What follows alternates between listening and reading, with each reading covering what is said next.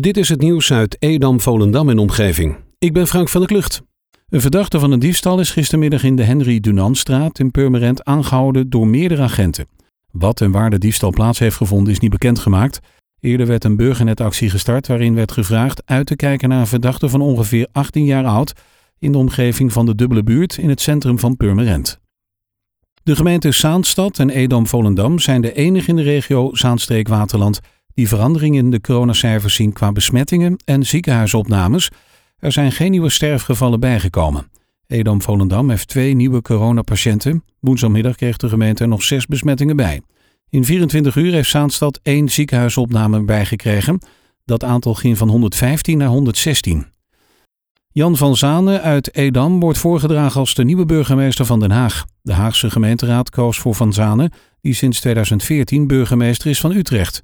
En dat deden ze in besloten vergadering in een Haags theater. Den Haag was sinds oktober op zoek naar een burgemeester na het opstappen van Paulien Krikke. Zij was onder vuur komen te liggen naar de harde conclusies van de Onderzoeksraad voor Veiligheid over het uit de hand gelopen vreugdevuur in Scheveningen tijdens de jaarwisseling in 2019. In de tussentijd was VVD'er Johan Remkes waarnemend burgemeester.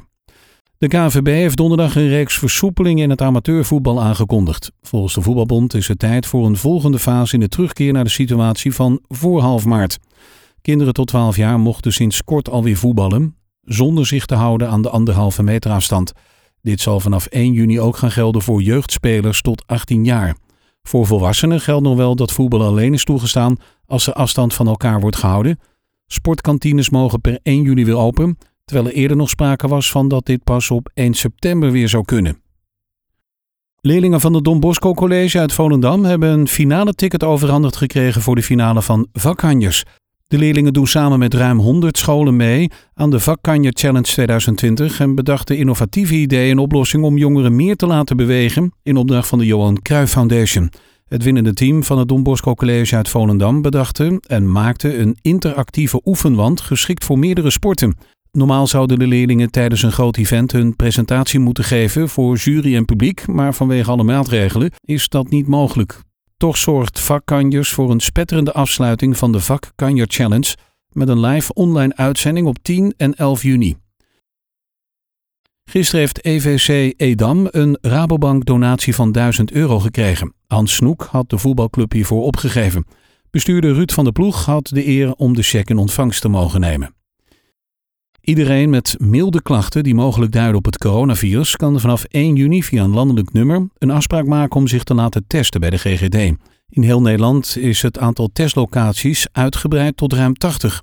Is er sprake van een besmetting met het coronavirus, dan start de GGD een bron- en contactonderzoek. Ook na 1 juni blijft het opvolgen van hygiënemaatregelen en de anderhalve meter afstandsregel door alle Nederlanders van groot belang, naast uitgebreid testen en traceren. De gemeente Edam-Volendam krijgt een 10 voor haar financiële huishouding. De gemeente staat daarmee op de zesde plaats in een onderzoek van accounts- en advieskantoor BDO. Het onderzoek van BDO naar de financiële huishoudingen van Nederlandse gemeenten wordt jaarlijks gemeten aan de hand van vijf pijlers: solvabiliteit, schuldquote, grondexploitatie, structurele exploitatieruimte en belastingcapaciteit. Op basis van die data wordt bepaald welke gemeenten het meest gezond zijn voor inwoners en bedrijven. De gemeente Epe staat bovenaan de ranglijst. In de kroeg in Volendam blijven al jaren stapels winterjassen achter die nooit door eigenaren worden opgehaald. De fiets lijkt dus nu de nieuwe jas te zijn. Er duiken overal fietsen in Volendam op die van niemand zijn. Paulien Silvan bundelde een paar oproepen op Facebook. Het lijkt erop dat de fietsen gestolen zijn en na gebruik gedumpt. Tot zover het nieuws uit Edam, Volendam en omgeving. Meer lokaal nieuws vindt u op de Love Kabelkrant, onze website of in de app.